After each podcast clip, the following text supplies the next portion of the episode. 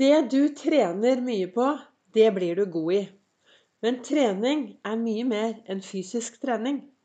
Velkommen til dagens episode av Begeistringspodden. Det er Vibeke Ols. Jeg driver Ols Begeistring. Jeg er en farverik foredragsholder, mentaltrener, kaller meg begeistringstrener og brenner etter å få fler til å tørre å være stjerne i eget liv.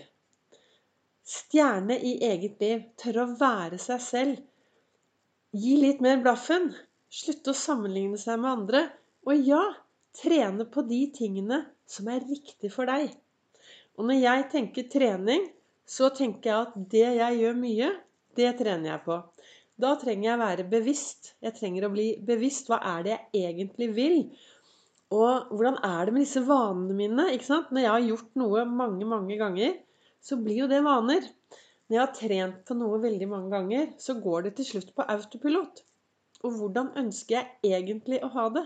Hva ønsker jeg å bruke mye tid på i min hverdag?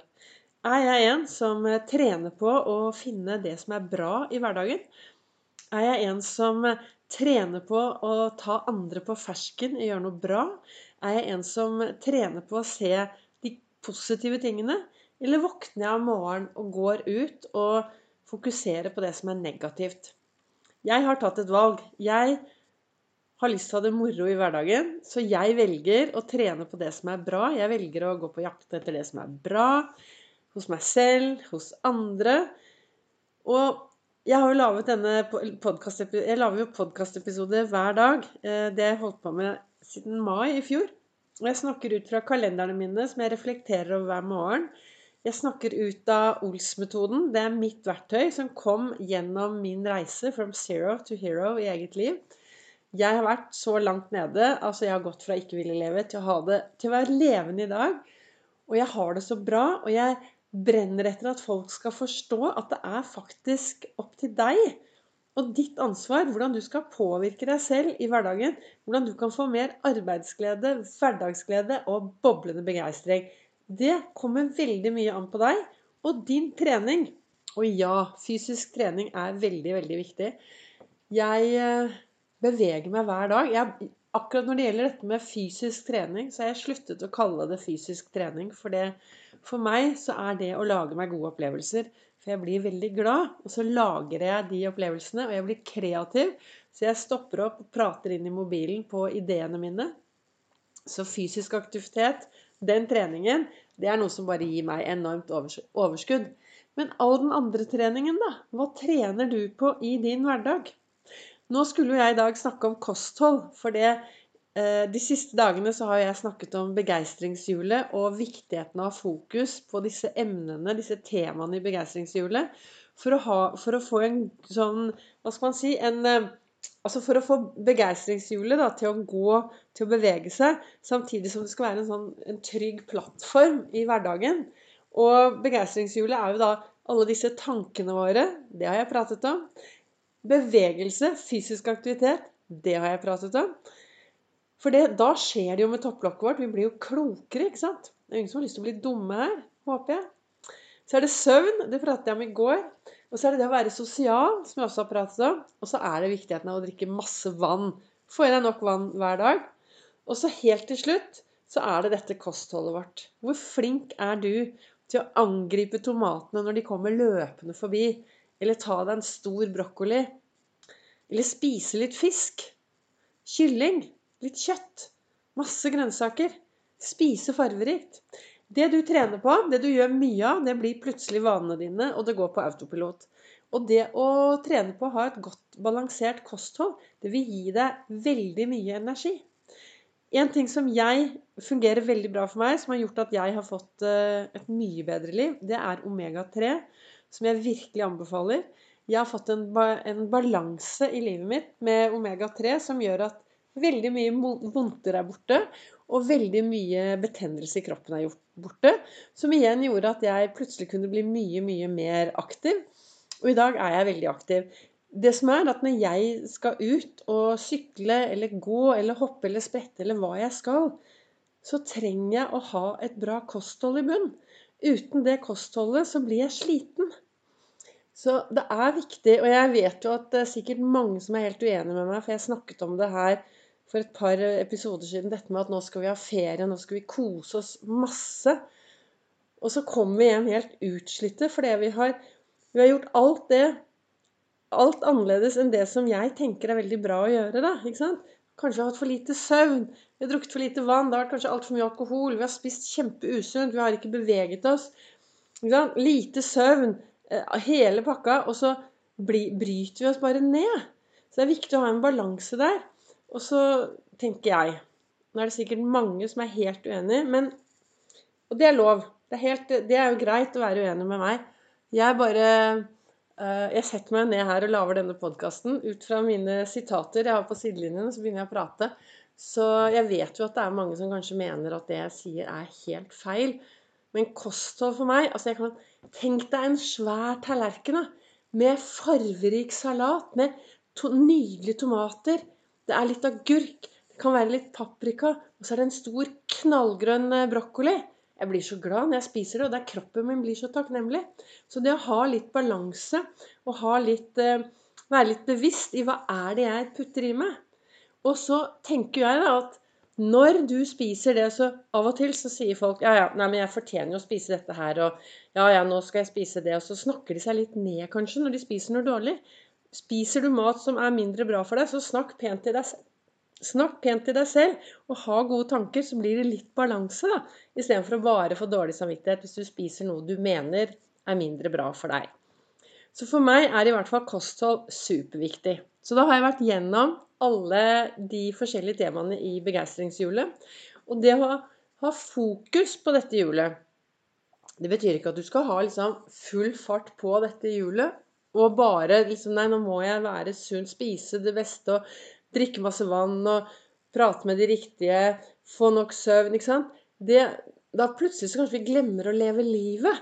Men det å ha dette begeistringshjulet i bånn, og ha litt fokus på det Dersom det begynner å røyne på, og så spørre seg selv er det noe jeg kan endre på, så at jeg får det litt bedre? For jeg mener i hvert fall at begeistringshjulet er med å gi meg overskudd begeistring og glede i min hverdag. Og så satt jeg i dag morges da og leste i uh, disse to kalenderne. Jeg har to kalendere og Lasse Gustavsson-bok. Jeg trenger, når jeg våkner om morgenen, og etter å ha gjort de tingene jeg gjør, iskald dusj og danset litt og tatt Ols-fokus, så setter jeg meg borti godstolen med en kopp kaffe, og så trenger jeg liksom å Jeg trenger å sitte og lade ikke kanskje lade batteriet, men jeg trenger å lande litt. Jeg trenger å se for meg hvordan dagen skal bli. Jeg trenger å tenke de beste tankene. Og så trenger jo jeg også litt inspirasjon. Så jeg tenner et stearinlys, og så leser jeg ut fra denne, disse kalenderne mine. Og i den ene kalenderen som heter 'Du er fantastisk', så står det Jeg er en person som blir bedre av trening. Det er fantastisk å bli eldre, for da får du mer trening. Og det er eh, en som heter Zoe de Chanel, som har sagt de ordene. Og det er noe med det at det vi, hvis vi trener mye på noe, er fornøyd med det, så fortsetter vi å gjøre det. ikke sant? Så blir det plutselig, blir det, plutselig det som vi gjør på autopilot. Og så får vi overskudd og glede og begeistring. Og i den andre kalenderen min, til han, eh, til han som heter Å herregud og co., så står det Dette er kloke ord, altså. Ikke begrens dine utfordringer men utfordre dine begrensninger. Hva er det som begrenser deg i din hverdag? Når du hører på meg, så kanskje du tenker ja, ja, det er så lett for Vibeke, for hun vet ikke, eller hun skjønner ikke, og hun vet ikke hvordan jeg har det, osv., osv.